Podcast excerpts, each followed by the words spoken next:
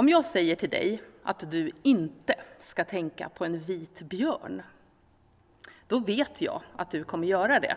Om jag säger att de närmaste fem minuterna så ska du koncentrera dig på att inte tänka på en vit björn, utan tänka på en massa andra saker. Eh, och så låter jag dig berätta vad du tänker på under den här tiden. Om jag pratar om en vit björn och säger att du får tänka på en vit björn, så kommer du inte tänka på den lika ofta som om jag säger till dig att du inte får tänka på en vit björn. Det drar liksom igång eh, delar i huvudet på oss som eh, ska se till att vi inte tänker på den här vita björnen. Och det påminner oss hela tiden om en vit björn. Och nu kan man ju undra vad det här har med dagens predikan att göra och dagens tema. Och det har faktiskt en del med det att göra. Det här att inte-budskap eh, är ett ganska dåligt sätt att eh, styra eh, människor. Om vi säger att vi gör nyårslöften och så säger jag att jag ska inte äta så mycket bullar det här året så är det mindre chans att jag lyckas än om jag har ett annat löfte som säger att jag vill göra någonting. För det här inte ställer till det för oss. Det gör det inte lika lätt för oss. När vi istället säger att jag vill eh, gå ut och gå en promenad varje dag. Eh, det är lättare att hålla ett sådant löfte. Och det här har ju inte jag hittat på, utan det här har man gjort många olika experiment på med vita björnar, nyårslöften, rosa elefanter och en del av er kanske känner igen en del av dem. Här i kyrkan så läser vi just nu i Romarbrevet. Vi håller på eh, och vi är idag inne på kapitel 7. Romarbrevet är skrivet av en man som heter Paulus. Han pratar mycket om synd, om lag, om att bli befriade från synden och om att få förlåtelse. Och då kan man ju tänka så här att om man vore lite tidsuppdaterad så eh, ligger liksom Paulus helt fel i tiden. Det här med synd är ju ett väldigt belastat ord. Och vi som svenskar som eh, eh tycker att det är väldigt viktigt att vi låter varandra tycka som vi vill, att vi låter varandra göra som vi gör och låter andra vara i fred. I det sammanhanget så blir det att prata om synd väldigt märkligt. Och eh, jag kommer landa lite först i vad i hela världen menas med synd. Eh, och om du tänker så här att ja, det är typiskt. Är det någon som ska prata om synd så är det kyrkan. Men faktum är att vi är inte särskilt intresserade av just det. Men vi är intresserade av någonting som ger människan större frihet. Eh, och det ska vi prata om idag. Så eh, var med ända till slutet så du får höra den spännande upplösningen på berättelsen om synden i människornas liv. Alltså när vi pratar om synd idag då tänker vi att, eh, eller då säger vi så här till varandra. Ja, idag så tog jag ett vinerbröd till kaffet. Eh, jag syndade lite. Eh, och då är man väldigt, väldigt långt ifrån det som Paulus pratar om som synd. Vi har ju som sagt haft flera söndagar som har handlat om Romarbrevet och då har vi bland annat fått höra att synd i Bibelns bemärkelse, det handlar om att missa målet. Och Bibeln är väldigt tydlig med vad som är det viktigaste rättesnöret att leva efter. Det är att älska. Kärleken eh, kan anses väldigt mesig ibland. Men egentligen den mäktigaste kraft som finns i den här världen. En kraft som kan förvandla både människor, skeender, länder och tidsepoker. Och synd, det är liksom motsatsen till det. Att inte älska. Att inte låta kärleken till dem vi har omkring oss, Att inte låta kärleken till Gud, till oss själva och till hela Guds skapelse leda oss i det vi gör. Jag tror att vi alla kan tänka på situationer när vi har drabbats av andras elakhet. Vi kan minnas hur det kändes, hur fel det blev. Och vi har alla exempel på hur sådana här saker lever med oss år efter år. Och kanske inte bara med oss, utan i hela familjer, i, i hela sammanhang.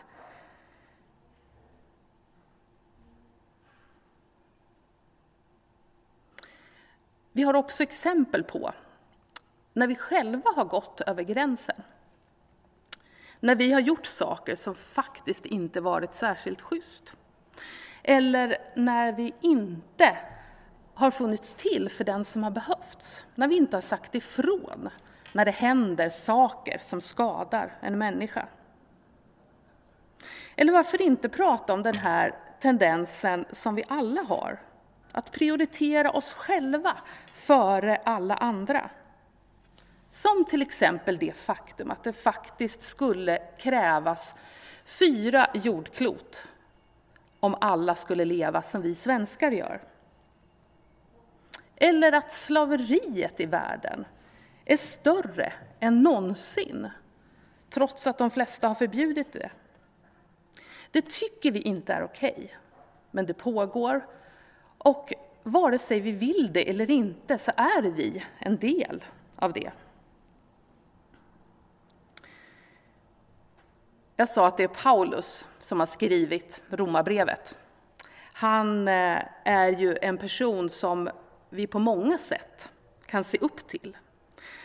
Eh, och han beskriver just det här så tydligt. Jag förstår inte mitt sätt att handla. Det jag vill, det gör jag inte. Men det jag avskyr, det gör jag. Det här var från Romarbrevet 7.15 och så vidare i vers 18 och 19. Viljan finns hos mig, men inte förmågan att göra det som är gott. Det, on, det goda som jag vill, det gör jag inte. Men det onda som jag inte vill, det gör jag. Jag tror att vi känner igen oss allihopa i det här. Vi gör samma sak igen och igen, fast vi vet att resultatet inte blir något bra. Vi säger saker som vi egentligen inte ville säga i konfliktens hetta. Vi skadar oss själva på olika sätt genom att låta beroenden fånga oss och göra så att vi äter för mycket eller för lite. Tittar på sånt som vi egentligen inte vill titta på. Vi dricker för mycket eller flyr på andra sätt bort. Vi spelar bort pengar, vi spelar bort tid till sånt som vi egentligen skulle behöva till någonting annat. Vi hamnar i tankemönster där vi tänker saker som vi inte mår bra av eh, och som får oss att hamna i spiraler som inte leder till någonting gott för oss. Vi hamnar också ofta i tanken i vårt samhälle idag att de här som gör fel saker, de är någon annanstans där jag inte är. Eh, och vi nästan bräcker varandra eh, på olika medier genom att fördöma hur fel vissa människor är. För det finns vissa saker som vi är väldigt överens om är fel. I vår kultur, som jag var inne på förut, så vet vi att vi eh, värderar väldigt högt att människor ska få tycka som de vill. Vi är unika i världen på det viset. Men vi är också unika i världen på det viset att vi är de mest extrema motståndarna mot kvinnomisshandel, till exempel. Någonting som vi, om vi använder Paulus ord, skulle kunna kalla för synd. Men oavsett om vi pratar om kvinnomisshandel, eller vi pratar om de här eh, hårda orden vi sätter i eh, när vi är arg på någon, så vill vi gärna lägga det där borta hos andra. Eh, och så blir vi förvånade när någon blev avslöjad. Den som var så trevlig. Vi glömmer bort att vi alla eh, är en del på olika sätt av att göra saker som inte är bra.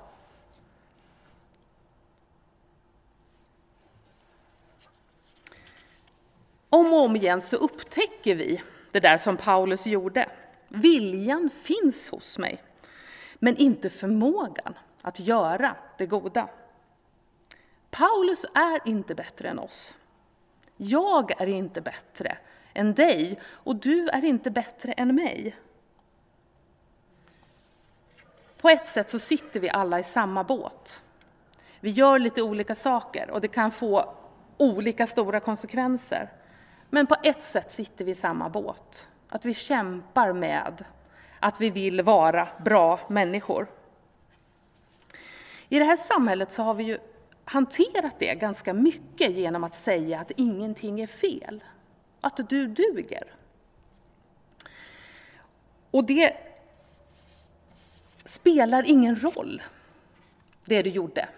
Vi är väldigt snabba med att skyla över åt varandra. När jag känner förtvivlan över någonting som är svårt och som jag tycker att jag inte har gjort bra, så finns det väldigt många människor som vill hjälpa mig att skyla över. Men du har gjort så gott du kan. Det var inte så illa. Eh, men någonstans inuti mig så skaver det här. Någonstans inuti oss så lever vi med väldigt mycket ilska och eh, misströstan på oss själva. Eftersom vi gör fel och vi vet att vi gör fel men samtidigt på något sätt måste låtsas om att jag gör inte fel, jag duger och alla andra eh, som gör fel, de är så fruktansvärt fel. Så vad ska vi göra då?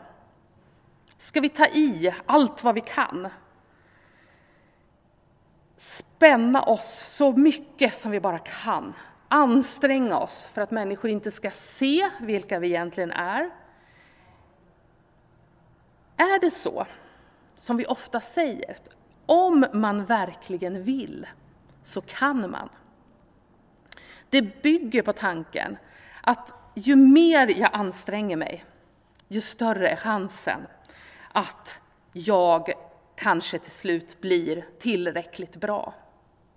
Och jag skulle kunna räkna upp hur många exempel som helst på hur vi människor gör för att det ska se bra ut vi ägnar väldigt mycket av vår tid och vår energi åt det här att det ska se bra ut. Vi ägnar vår tid, vår kraft, våra pengar åt att duga i väldigt stor utsträckning. Trots att vi säger att vi alla duger. Vi blandar ihop sånt som vi har gjort fel. Sånt som är det vi har gjort så gott vi kan. Vi blandar ihop det med vilka vi är. Och om vi själva är någonting att ha eller är värdefulla. För vi är värdefulla. Det är en av de viktigaste saker eh, som vi pratar om i kyrkan. Du är värdefull. Och Gud unnar inte oss att gå med den här malande känslan av att inte duga i oss. Om vi nu säger att viljan finns, men inte kraften. Längtan finns, men vi når liksom inte fram. Vi inser att det är bra med ambitionen, men det räcker inte. Vi inser att vi behöver hjälp. Och då tänker jag att vi hamnar i Anonyma Alkoholister, AAs första steg. Att inse sin maktlöshet. Inte förrän vi är där så kan vi på, eh, på riktigt ta itu med resten. Det är vad AHA har upplevt. Det hjälper liksom inte hur mycket man än spänner sig. Man pratar om vita knogars nykterhet, den nykterheten som ligger i att anstränga sig så mycket som det bara går för att göra det rätta. Allting börjar i maktlösheten. Och maktlöshet, det är en otroligt jobbig känsla för oss. Paulus han säger så här i Romarbrevet 7 och vers 24. Ja, arma människa, vem ska befria mig från denna dödens kropp? Att vara sårbar och att våga visa sig själv och sitt liv som det är.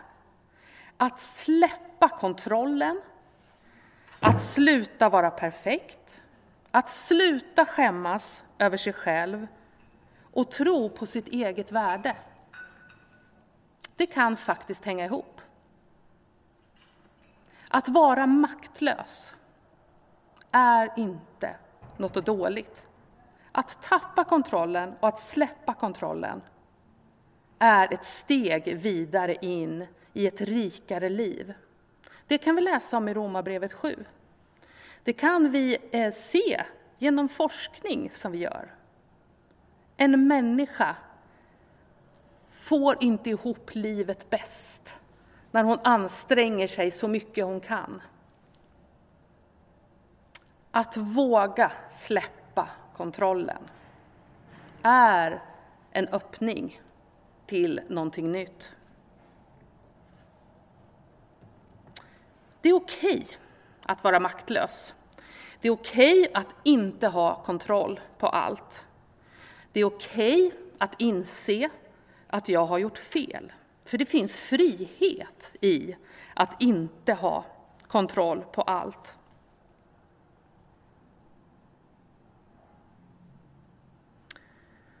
Som jag sa förut, det blir problematiskt för oss ibland, det här att vi skyler över, både för oss själva och för varandra, det som egentligen skaver i oss. När vårt inre anklagar oss så blir det en sörja inuti av saker som vi inte förstår och som vi inte kommer vidare med. Och i allt det så försöker vi ta kontrollen. Och då tänker jag på det som Paulus vill berätta i det här brevet. Och så tänker jag på Gud och så tänker jag på eh, många skämtteckningar som vi har om Gud när vi gör fel. Ni vet de här seriestripparna där någon gör något tokigt, tänker något dumt och Gud låter en blixt slå ner i huvudet på dem. Eller den här bilden som vi har av Gud som förmanar som håller fingret uppe. Eller uttrycket som vi har som säger Gud ser dig in i minsta detalj. Du ska inte tro att du kommer undan. Och i de här bilderna så är hela poängen missad. Därför att det här är inte den Gud som Bibeln beskriver. Den Gud som jag känner, han har visat sig genom Jesus. Han hytte inte med fingret. Han sträckte ut en hand.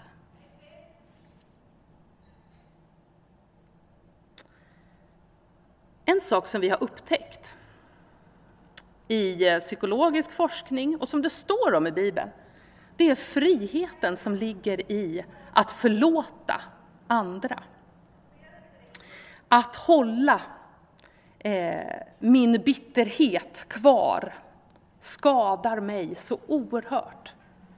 Genom att förlåta andra så blir jag friare att leva mitt liv.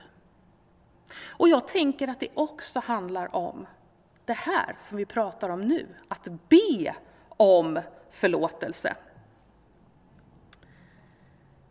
Det finns något befriande i att ge upp alla våra försök att vara perfekta. Att inse att vi inte är det och be om förlåtelse. Att be människor om förlåtelse. Att be Gud om förlåtelse. Det är den Gud som vi pratar om här, som sträcker ut sin hand. Och han sträcker ut sin hand till dig som lyssnar nu. För jag tänker att det är inte en slump att du lyssnar just nu. För jag tror att några av er behöver få höra just det här. Gud sträcker sin hand till dig och vill ge dig frihet. Nu ska jag fuska lite och gå in lite i kapitel 8. För egentligen ska jag ju predika över kapitel 7 och det är Christer som predikar nästa vecka över kapitel 8.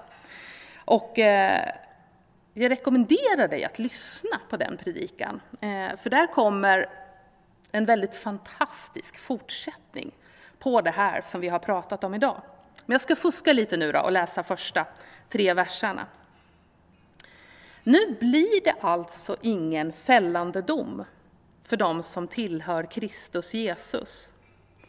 Till den andliga lag som gäller för livet i Kristus Jesus har gjort mig fri från syndens och dödens lag. Det som lagen inte kunde göra, eftersom den kom till korta inför vår kötsliga natur, det gjorde Gud. Att få tillhöra Gud är gratis.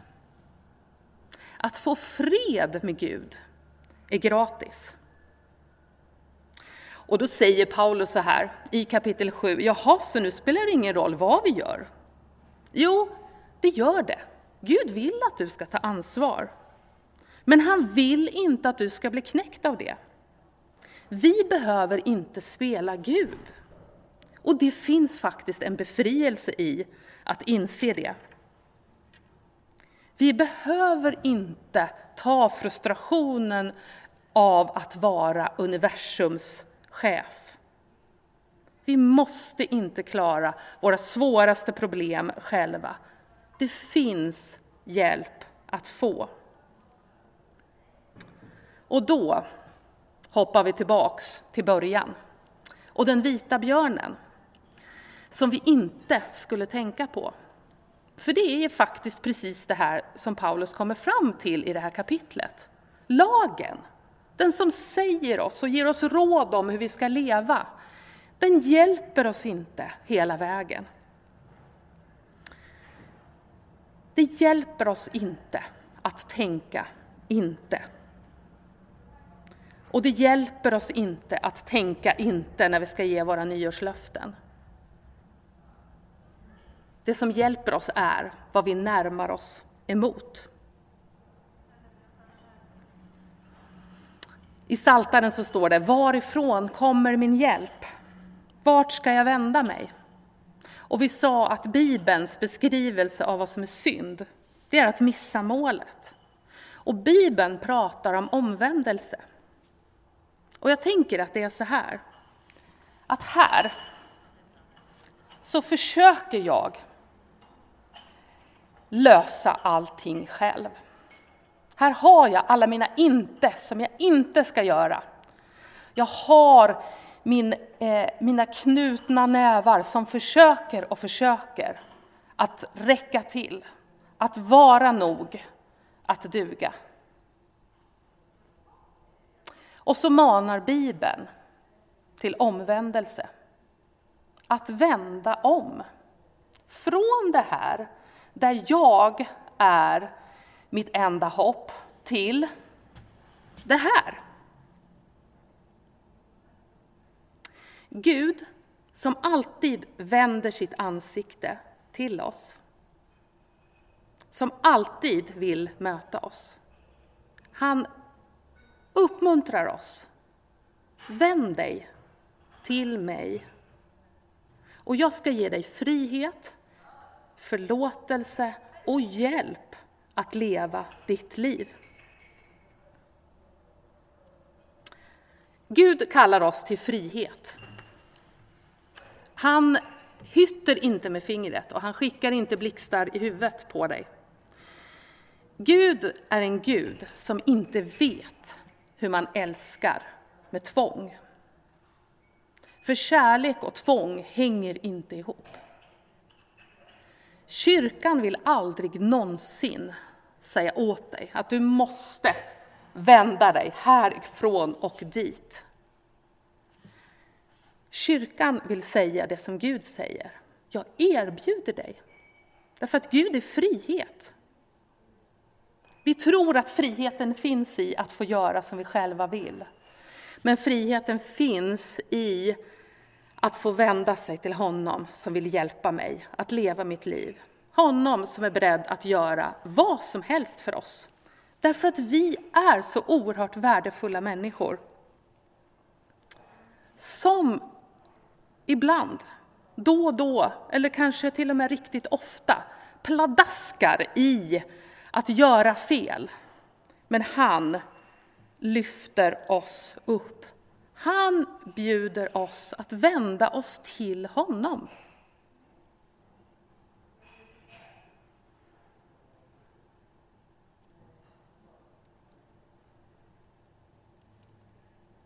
I Fader vår-bönen så ber vi Låt din vilja ske på jorden som i himlen. Och jag tänker att det vi gör när vi ber den raden, det är att vi ber Gud, jag vill inte att allt ska snurra kring mig och mina försök att duga.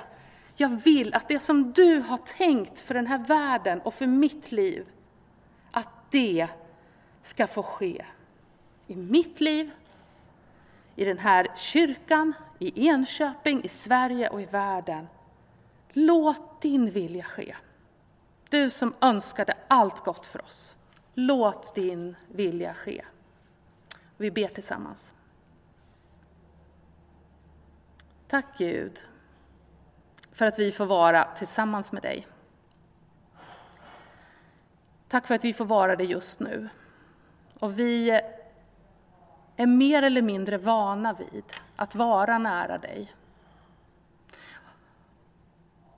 Och jag tackar dig för att vi, oavsett vad vi är vana vid, får veta att du alltid är vänd mot oss. Att du alltid kommer med kärlek och med frihet och med upprättelse. Och jag ber för den som sitter och lyssnar och som har saker som gnager i sig. Gud, jag vill be att du ska komma med frihet. Jag vill be att du ska hjälpa på vägen upp från sånt som eh, binder och förstör livet, Gud. Jag ber om det. Och jag ber att du ska hjälpa oss in i den frihet som du har och i det ansvar som vi får känna för varandra, för oss själva och för den här världen. Tack Gud för att jag inte behöver omfatta allt. Tack för att jag inte behöver lösa allt. Tack Gud för att vi får komma till dig. Du som är universums Herre. Du som har gjort allt för att bjuda in oss. Tack Gud och välsigna var och en som lyssnar, Gud. Amen.